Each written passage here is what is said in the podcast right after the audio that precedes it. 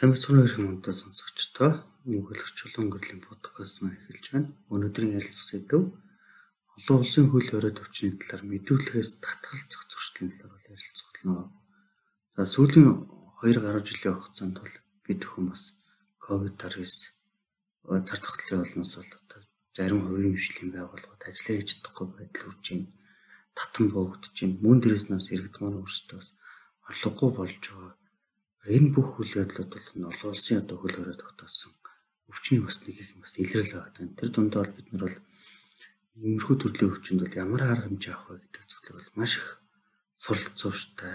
Бусдаасаа суралцахаар бусад зарим улсууд нь чанаа одоо сайн туршлагуудаас суралцах нь бол зүйт юм байна гэдэг зүйлээр харуулж. Мөн дээрс нэг тас энэ олон улсын хөл хоройтой өвчний хувьд бол биднэрт бас давуу байдал үүсэж болохоор юм байна гэдэг зүйлийг ч бас олон талаас нь олон зүйлийг бас мэдрүүлсэн бас цаг хугацаа өнгөрлөө гэж бол миний хувьд бол дүгндэг.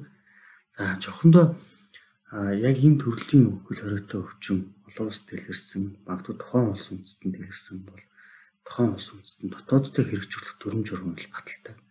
Үүнтэйгээ нэгэн адил бол Монгол Улсын хувьд бол зөрчлийн тухайн хувьд бол яг энэ төрлийн одоо арга хэмжээ авах зохицуултуудыг бол бас оруулж өгсөн байна. За тухайлбал одоо энэ зөрчлийн тухай хэмжээ 2023 дугаар зүйлд тусгаж өгсөн байна. За энэ зүйлийг бол уншвал олон олон улсын хөл хоройд өвчин гарсан улс орноос ирсэн хүн тэгээ эрүүл мэндийн тодорхойлолтыг одоо мэдүүлэхээс татгалзаж байгаа. За эсвэл үнэн зөв мэдүүлэх бол тухайн хүнийг одоо 50 нэвчлэр эмзэх буюу 50 мянган төгрөөр торгох шийтгэлтэй байдаг. За энэ залтаас ингэж харах харах юм юу ойлгогдод байна вэ гэхээр за магадгүй Африкт эсвэл Сингапурт ч юм Америкт ч юм Европын оронд аялаад яваад ирсэн. Иргэн маань өөрөө тухайн дээр аялсан газар нь за магадгүй ковидын шинж тэмдэгтээ эсвэл ковид дэлгэрсэн ч юм уу. За эсвэл яг одоо энэ ковидос өөр төрлийн бас олон улсыг чичирхсэн, сандрахсан, хөл хорой тогтоолсон тийм төрлийн хүний амьд эрсдэл хөрөхөөдөө тийм төрлийн өвчин дэлгэрсэн. Энэ нөхцөл байдлаас ирсэн ирэх маань өөрөө Монгол улсад магадгүй тухайн өвчнөд туссан байж байх бол үгүйсэхгүй. Тэгэхээр энэ тухайн улсад өөрийнхөө улсад ирж байгаа тохиолдолд бол заавал одоо эрүүл мэндийн тодорхойлтыг ирэхгүй байгаас хүлээлгэж өгч байгаа тодорхойлтыг бөглөх, тэр бөглөж байгаа зүйлийг өмнө зөв мэдүүлэх үүргийг болон давхар бол хариуцуулж байгаа. Тэгэхээр эндээс харах юм бол энэ үүргийг гүйцэтгэхгүй, эрүүл мэндийн тодорхойлт өмнө зөвөр бүглээгүй, зайлсхийгээд би эрүүл штэ гэх өвчтөй жиж би эрүүл штэ гэж хэлж мэдүүлэхээс татгалзаж байгаа энэ үйлдэл дээр нь торгуулийн шийдвэр хангалтуулах бол зохицуулалтаар.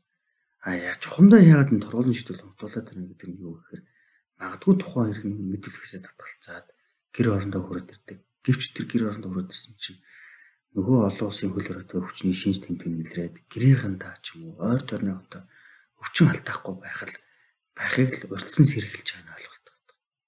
Нөгөө төгөр тухайн өвчнийг багтаар нь одоо таслан зогсоох олон нийтийн аюулгүй байдлыг хамгаалах зорилготойгоор энэхүү залт бол бий болсон бол гэж бол ойлгодог. Тэгэхээр жохондоо бол одоо эцсийн дүгнэлтэнтэй хэлэхэд бол энэ олон улсын хөл хорой төвчин гарсан энэ улсаас ирж байгаа иргэд маань бол эрүүл мэндийн тодорхойлолт үн зөөр бөглөж татгалзахгүйгээр үн зөөр бүгэлдэг байгаасаа гэж хүсэж байна. За өнөөдрийн зөвлөгөө өгсөн сэдв маань бол өөр өндөрлж байна.